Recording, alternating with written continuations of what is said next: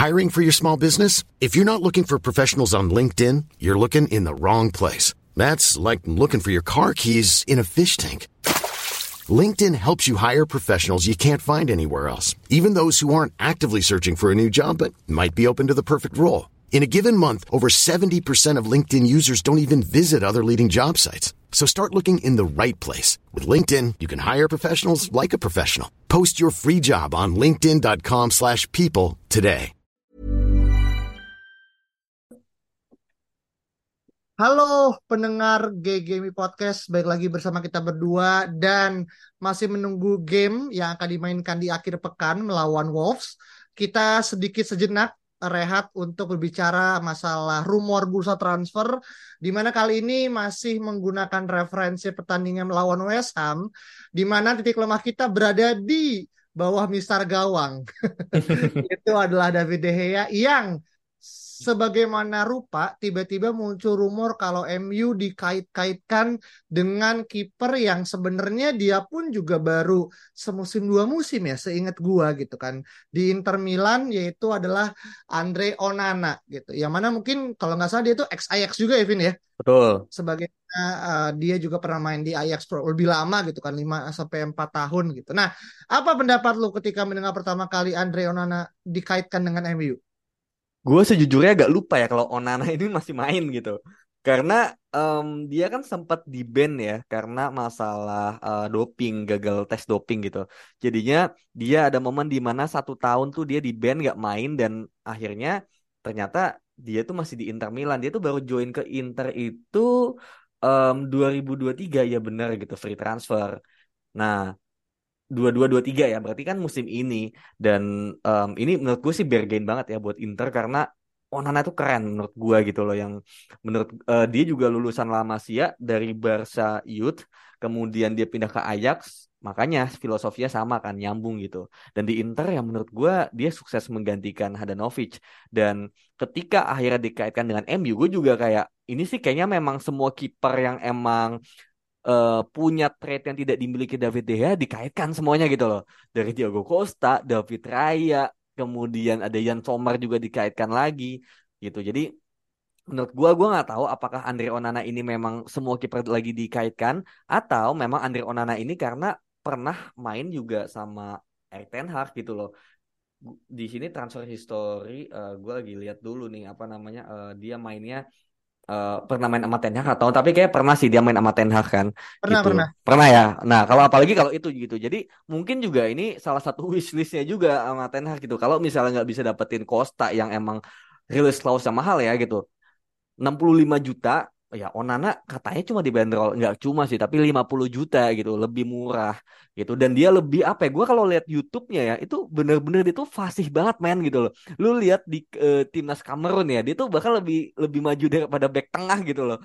Sampai ke seperempat lapangan. Jadi emang nih orang tuh kayak kayak udah nyaman banget sama bola menurut gue dan itu satu hal yang benar-benar berbanding terbalik sama David De Gea Oke, jadi ini juga adalah hal yang akan menjadi komoditas ya karena ini gue juga menyadur ya dari gue baca gimana nih Viazes ya itu salah satu apa namanya uh, kabar surat kabar di Itali yang mengatakan kalau Inter Milan sudah mengambil keputusan terkait masa depan Onana mereka akan menjual sang kiper di musim panas nanti. Jadi ini adalah bagayung bersambut gitu kan untuk para tim-tim di luar sana gitu kan untuk bisa mendapatkan tanda tangan dari Andre Onana gitu. Nah, tadi kan Alvin sempat nyebut masalah bagaimana kira uh, archetype ya dari Onana yang sangat maju gitu kan, sangat ofensif bahkan defense line melebihi dari uh, apa sweeper CB gitu kan. Iya. agak cukup anomali gitu. Selama tidak ada blunder sih menurut gue sih fine-fine aja gitu kan. Tapi yang jadi menarik adalah 50 juta euro ini gitu itu juga akhirnya mendapatkan saingan ketat dari Chelsea hmm. yang dikabarkan juga membutuhkan kiper ketiga. Anjing kan udah punya kan, udah punya Ariza Balaga, terus juga udah punya satu Mendy. lagi Mendy gitu kan, dan dia katanya mengincar juga nih uh, Andre Onana gitu kan. Berarti kan MU nggak sendiri nih dalam proses apa namanya uh, mendapatkan tanda tangan Onana gitu. Kira-kira apa yang akhirnya ngebuat Onana mungkin akan lebih memilih MU ketimbang Chelsea ya. Kalau di sini gue baru lihat MU sama Chelsea nih uh, terkait dengan project masa depan dia selain daripada mungkin ada faktor Ten Hag yang bisa menjadi pro faktornya. Ya, um, yang bikin MU uh, Onana pilih MU yang pertama adalah ya chance untuk bermain ya gitu, saingan. Kalau misal di MU kan cuma David De Gea aja, yang mana dari cara bermain juga udah beda banget. Jadi Onana nggak perlu takut sebetulnya. Tapi kalau Chelsea ini tuh ada Kepa gitu. Kepa tuh kan dibeli mahal ya kalau nggak salah 70-80 juta dan gajinya tinggi. Jadi kalau Kepa ini dibuang begitu aja tuh kayak nggak mungkin gitu loh. Siapa yang mau beli? Ya kan. Dan Mendy juga apa ya kayak Mendy tuh nggak jelek tapi somehow nggak tahu kenapa sekarang nggak dipakai gitu loh. Jadinya ini dua kiper ini tuh nasibnya harus segera diputuskan. Mungkin kalau di Chelsea Mendy ini akan dibuang gitu ya. Entah ke mana, entah bagaimana caranya. Tapi Kepa, Kepa itu nggak jelek sebetulnya gitu. Jadi agak nggak make sense kalau lu punya Kepa dan juga Onana sekaligus gitu loh. Karena dua-duanya sama-sama bagus dan apa ya investasi mahal lah bisa dibilang gitu. Kepa kalaupun mau dijual siapa yang mau beli gitu loh dengan harga segitu kemudian juga gaji setinggi itu gitu agak sulit gitu loh. apalagi gue nggak tahu ya kontraknya masih uh, berapa lama lagi kalau Kepa jadi gue merasa itu agak nggak make sense kalau misalnya Onana mau dibeli juga sama Chelsea kalau misalnya mau dibeli sama Tottenham nih ya yang kiper itu cuma Hugo Lloris yang udah uh, tua banget gitu dan katanya mau pindah ke Arab itu masih make sense tapi kalau hmm. misalnya Chelsea menurut gue kayak ya meskipun ya kita juga tahu Chelsea dengan uang kayak sekarang mau beli siapa pun bisa-bisa aja gitu. Cuma gue lebih melihat kalau emang Onana melihatnya sebuah project dan juga melihatnya adalah um, sistem ya yang udah lebih jelas yaitu di uh, Chelsea juga pelatihnya belum tahu kan siapa. Jadi kalau misalnya lu udah mau ngelihat project dan juga prospek ya, apalagi kalau kita masuk Liga Champions semoga ya. Dan juga kedekatan dengan Erik Ten Hag, ya lu pasti pilih MU gitu loh. Dan mungkin lebih kepada MU mau beli apa enggak nih dengan uang 50 juta yang tadinya fokusnya mau ke penyerang dan juga gelandang, tiba-tiba kiper nih gitu dan 50 juta men gitu. Raya aja mungkin cuma 30 40, ini 50 gitu. Jadi ya. lebih ke sekarang MU-nya aja sih. Ini menurut gua Onana tuh kayak menurut gua kayaknya tuh nggak akan terlalu bingung mau milih mana, yang penting siapa yang datang aja sih. Iya iya iya iya. Dan sebenarnya Onana kan juga bukan nama baru ya dalam arti usia pun juga kayaknya udah masuk usia 20 enam tujuan tujuan jadi bukan yang youngster goalkeeper gitu loh yang iya. akhirnya yeah. mungkin bersaingnya sama di Henderson segala macam gitu kan jadi menurut gue ini hal yang mungkin bisa menjadi uh, winner takes all kalau MU memang benar serius gitu. Dan kalau kita ngomongin stats di musim perdananya yang tapi di musim ini gitu kan. Dia itu kan main 36 pertandingan dengan total 17 clean sheet. Jadi hampir bisa dipastikan setengah atau satu dari dua pertandingan gitu kan. Dia tuh clean sheet gitu kan ya menurut gue itu record yang sangat bagus. Selain memang uh, Inter juga musim ini kan juga ya inilah ya pasang surut lah ya gitu kan. Surut air laut gitu kan. Hmm. dan pada saat kita tag hari ini ini momen di mana Inter sudah memastikan bisa dibilang ya mungkin setengah langkah kaki kali ya di final gitu kan. Karena udah menang 2-0 nih kan di leg pertama lawan uh, saudaranya gitu kan AC Milan gitu. Dan kalau Onana benar bisa akhirnya membuat Inter masuk ke final, bisa jadi ada inflasi harga gitu kan. Apalagi kalau juara gitu. Tapi ya semoga juara ataupun gak juara dari Inter gitu kan.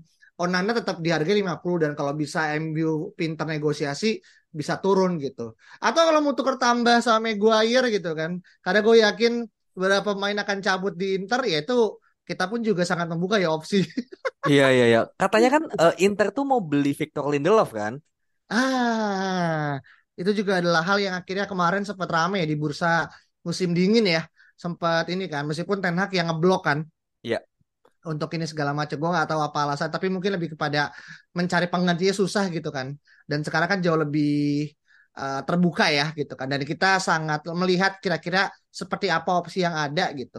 Tapi kalau misalkan balik lagi nih ke archetype gitu kan. Ini kan adalah pemain yang mungkin bisa jadi akan menjadi apa ya uh, malam minggu yang cerah lah ya kalau misalnya kita nonton MU di malam minggu ketika akhirnya sekarang mulai kesulitan dan kalau kita lihat tadi Onana akhirnya mulai berani untuk maju dan build up serangan kira-kira tipikal seperti apa permainan MU di musim depan dengan Onana yang akan menjadi goalkeeper pertama kira-kira Vin?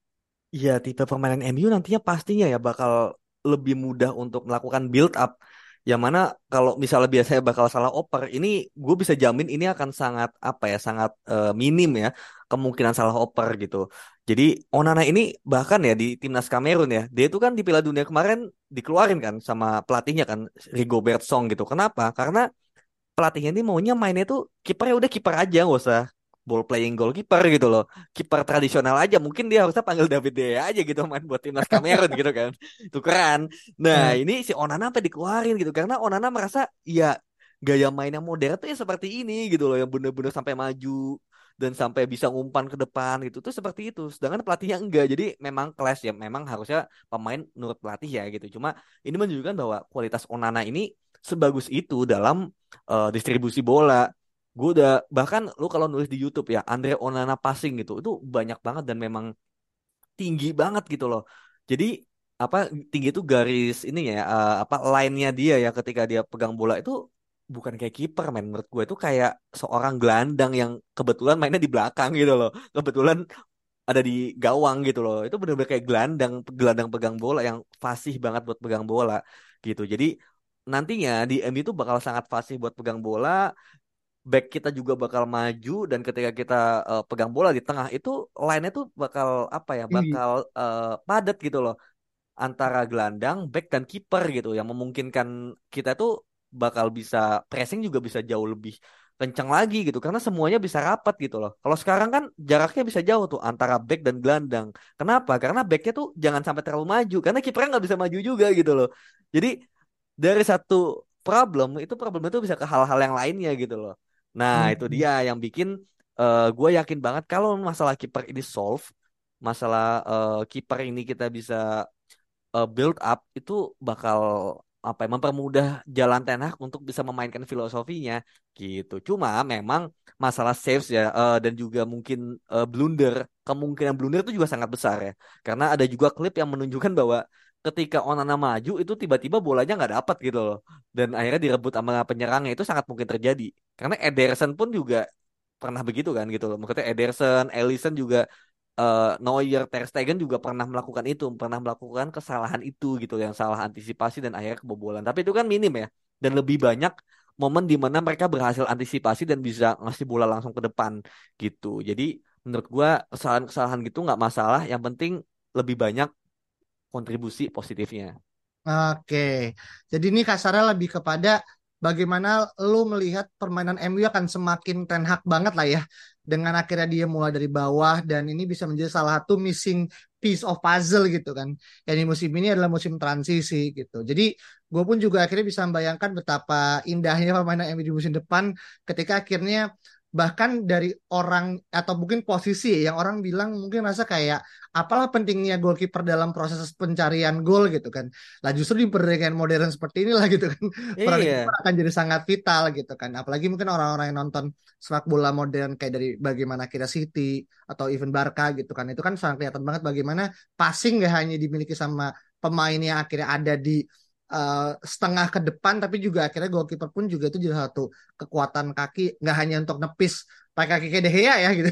Hmm. Kan kakinya kan lebih lebih poinnya kan ke nepis ya gitu. Iya iya. FCP kan di satu dua tiga empat musim awal gitu kan. Tapi ini hal-hal yang akhirnya dan gimana? iya dan by the way bukan masalah bisa passingnya aja tapi bagaimana melihat situasi gitu loh. Kalau misalnya cuma misalnya oh ya udah ball playing goalkeeper goalkeeper yang penting mau passing gitu atau bisa passing. Ya kalau cuma passing doang sih bisa-bisa aja. Cuma DVD ya kalau passing ya kadang-kadang tuh nggak lihat situasi gitu loh. Kayak lawan Sevilla lihat Maguire lagi dijaga begitu tetap dia passing gitu kan. Berarti kan dia tidak bisa melihat situasi gitu loh. Pengambilan keputusannya jelek. Kemudian pas lawan Betis Lisandro Martinez juga dioper. Tapi untungnya Lisandro kan gitu jadi bisa keluar. Dan kemarin lawan West Ham juga dia sekali dua kali salah oper kan. Dia ngoper ke Declan Rice gitu yang mana dia niatnya mau ke Weghorst tapi ternyata dipotong. Jadi harusnya tuh nggak cuma masalah dia mau atau bisa passing gitu tapi dia tahu situasi siapa yang bisa dipassing gitu loh. Dia bisa ngelihat visi punya visi gitu loh punya uh, penglihatan bagaimana kalau misalnya gue oper ke dia ini nyampe atau enggak kalau gue ngoper ke dia abis itu dia bakal oper ke mana gitu. Berarti kan dia harus bisa satu atau dua langkah ke depan gitu melihatnya nggak cuma ngelihat nih bola gue harus segera gue oper nih kalau cuma gitu doang mas siapa aja juga bisa gitu loh. Jadi bukan masalah passingnya doang tapi bagaimana pengambilan keputusan body language-nya juga lu nyaman apa enggak dengan under pressure gitu. Ya Hmm. kan? Iya, kayak iya. gini deh David dia mungkin beberapa kali bisa tuh ngasih umpan langsung nyampe ke Anthony gitu kan pernah kan beberapa kali gitu kan nyampe langsung ke depan. Tapi itu nggak ada press nggak ada pressure dari pemain depan gitu loh tapi kalau udah di pressing gitu kan kayak lawan Sevilla ya bisa panik juga men gitu. Dan kita butuh kiper yang memang em, nggak panik kalau di pressing. Dan Onana malah bisa ngelewatin pemain itu gitu loh gitu loh. Hmm. dilewatin sekalian terus baru akhirnya bisa ngumpan gitu. Atau dengan dengan kaki kiri juga bisa gitu loh. Jadi kayak apa ya kaki kiri juga jalan banget untuk ngumpan langsung ke sayapnya atau ke back kirinya gitu dan kaki kiri itu emang jago banget jadi lu mau pressing kayak apa pun Onana itu nggak akan jadi masalah Hmm, iya iya iya iya. Oke oke. Nah, ini menarik banget ya kayaknya Alvin udah fasih banget udah bisa membayangkan bagaimana akhirnya uh, formasi MU di bawah uh, kiper yang baru ya. Pokoknya asal bukan De Gea kan ABD gitu kan. Iya iya. Dan uh, ini kan gue juga baca ya dari onefootball.com kalau ternyata Inter Milan pun juga udah quote unquote ya Simone Inzaghi pelatih kepalanya udah membidik uh, dua kiper baru nih itu adalah Guglielmo Vicario dari Empoli dan juga Marco Carnesecchi dari Cremonese gitu kan. Jadi ini mungkin kiper-kiper akan diorbitin dan gue rasanya kiper asli Itali kayaknya ya yang memang akhirnya akan uh, apa namanya ya intinya mendapatkan promosi lah gitu untuk di Inter ke depannya gitu kan. Jadi ini adalah kesempatan bagus gitu. Tinggal bagaimana akhirnya uh, mau apa enggak ini tuh akhirnya bisa melakukannya gitu. Nah, mungkin kalau terakhir deh untuk posibilitas dari angka 0 sampai 10 Onana ke MU di angka berapa? Hmm, posibilitas ya. Ini jujur agak blur ya karena em, rumor Onana kan baru banget. Kedua, Inter juga baru sign Onana secara gratis. Mungkin ya alasan mau dijual untuk profit juga. Karena mungkin lagi high demand 50 juta ya itu udah untung banget lah. Lu signnya nol dijual 50 juta gitu. Itu kan sebenarnya udah untung banget gitu. Jadi menurut gua em, ini masih prematur sih menurut gua rumornya gitu. Apalagi kita juga belum tahu bakal invest ke kiper semahal itu atau enggak gitu. Karena ada kemungkinan kita juga ternyata em, fokusnya bakal ke departemen lain ya ke penyerang, gelandang, back dan akhirnya yang bisa kita lakukan adalah mungkin memberikan kesempatan kepada Dean Henderson semusim lagi gitu. Nah, musim depan ya baru beli kiper, bisa aja dong kayak gitu. Jadi menurut gua kemungkinan Onana untuk ke MU masih prematur dan gua masih melihatnya em 5 sih. 5 5. ya. Iya, bukan karena bakal diambil tim lain, tapi lebih kepada MU-nya bakal sign kiper atau enggak gitu. Jadi ini bukan masalah Onana atau bukan, tapi bakal sign kiper atau enggak gitu loh. Gitu. Jadi gue masih melihatnya 50-50 sih, 5 sih. Hmm, iya iya iya iya iya. Oke oke. Nah ini gue kira Alvin dengan tadi ya Gaga Gempita menyebutkan bagaimana prediksi dan juga alur bermain MU, gue kira itu akan sejalan dengan posibilitas itu enggak juga ya. Itu Susah dua hal yang men. berbeda gitu kan. Iya, realistis aja gue. iya kan? Karena sekali lagi ujung-ujungnya kan ini kan butuh uang ya. Dan kita pun di paralel gitu kan, in parallel universe gitu. MU sedang dalam proses terus gitu kan, negosiasi alot gitu kan, uh, untuk menentukan siapa akhirnya the next owner gitu dengan se- seperti apa gitu. Dan itu akan sangat berpengaruh juga ya. Jadi Tapi tapi apa? tapi kan kabarnya kalaupun yang masuk Qatar misalnya kita tetap musim ini kan cuma bisa 100 juta fresh money kan gitu. Hmm, Iya kan? Jadi kayak menurut gue ya kayaknya ya kayaknya emang kita udah nggak bisa mengharapkan itu untuk musim ini gitu loh. Kayak dana yang jor-joran nggak akan dapat sekarang. Sekarang kita fresh money-nya 100 juta ditambah kalau kita bisa ngejual pemain gitu. Karena ini kaitannya dengan eh, apa namanya eh, FFP kan gitu. Udah bukan masalah eh, investasinya lagi gitu, tapi 100 juta plus kalau lu bisa jual gitu. Jadi ini lebih kepada hitung-hitungan dan seberapa bisa kita ngejual pemain gitu sih. Nah, Iya. kalau kalau yang masalah owner kan lebih kepada mungkin jangka panjangnya kan, mungkin next eh, di Januarinya atau di eh, musim depannya lagi sih. Kalau tapi kalau musim ini sih ya udah gitu, dana lu cuma 100 gitu. Iya, tinggal kita coba cari tahu siapa pemain-pemain yang akhirnya masih punya nilai jual ya, dan akhirnya mau untuk ditampung sama klub lain gitu kan. Dan kita nanti mungkin akan ngebuat episode sendiri ya. Kira-kira siapa-siapa yang akhirnya bisa untuk dicairkan asik, dilikuidasi gitu kan kalau ibaratkan dalam bahasa korporat kayak gitu kan. Untuk akhirnya bisa membuka ruang satu, karena tentu ketika masih banyak pemain ya, nomor punggung kan nggak bisa dibagi dua gitu.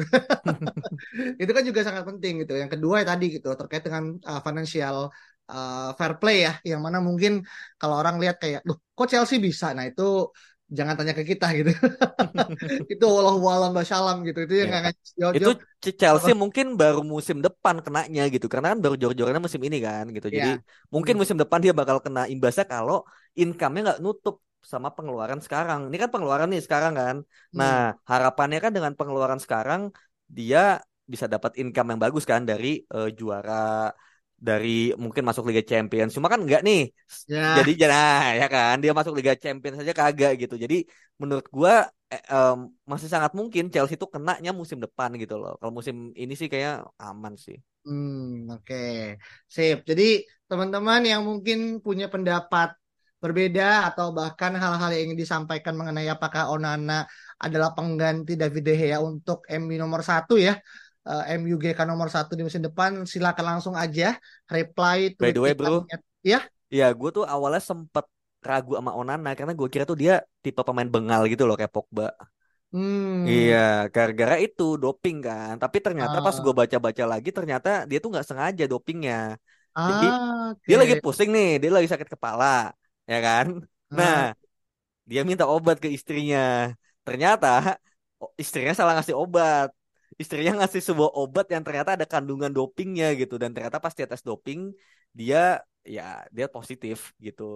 Dan itu kan oh, dia dia banding kan, di, dia mengajukan banding, diterima. Tapi kan di masa dia banding itu kan dia udah terlanjur di ban dan di ban setahun gitu loh. Kalau nggak hmm, salah ceritanya begitu ya. Ini ini buat para pendengar kalau ada cerita gue yang salah gitu kan hmm, dikoreksi aja gitu. Cuma ya. Cuma ternyata dia tuh nggak bengal gitu ternyata dia good boy gitu. Cuma gue sempet sempet Boy. sempet mikir dia apa bad boy itu ya gara-gara doping itu. Gue kira wah ini ini nih indisipliner gitu kan. Atau misalnya dia eh, apa namanya dia melanggar apa gitu. Tapi ternyata ya cuma human error aja dari istrinya gitu. Good boy ntar tiba-tiba ada fuck boy. ya Iya, iya, iya. Ini silakan ya teman-teman dicari kebenarannya. Apakah benar emang Onana sebaik itu? Karena salah takar gitu. Nanti kita silakan teman-teman tulis aja dan kita ketemu lagi pada episode berikutnya. Bye-bye.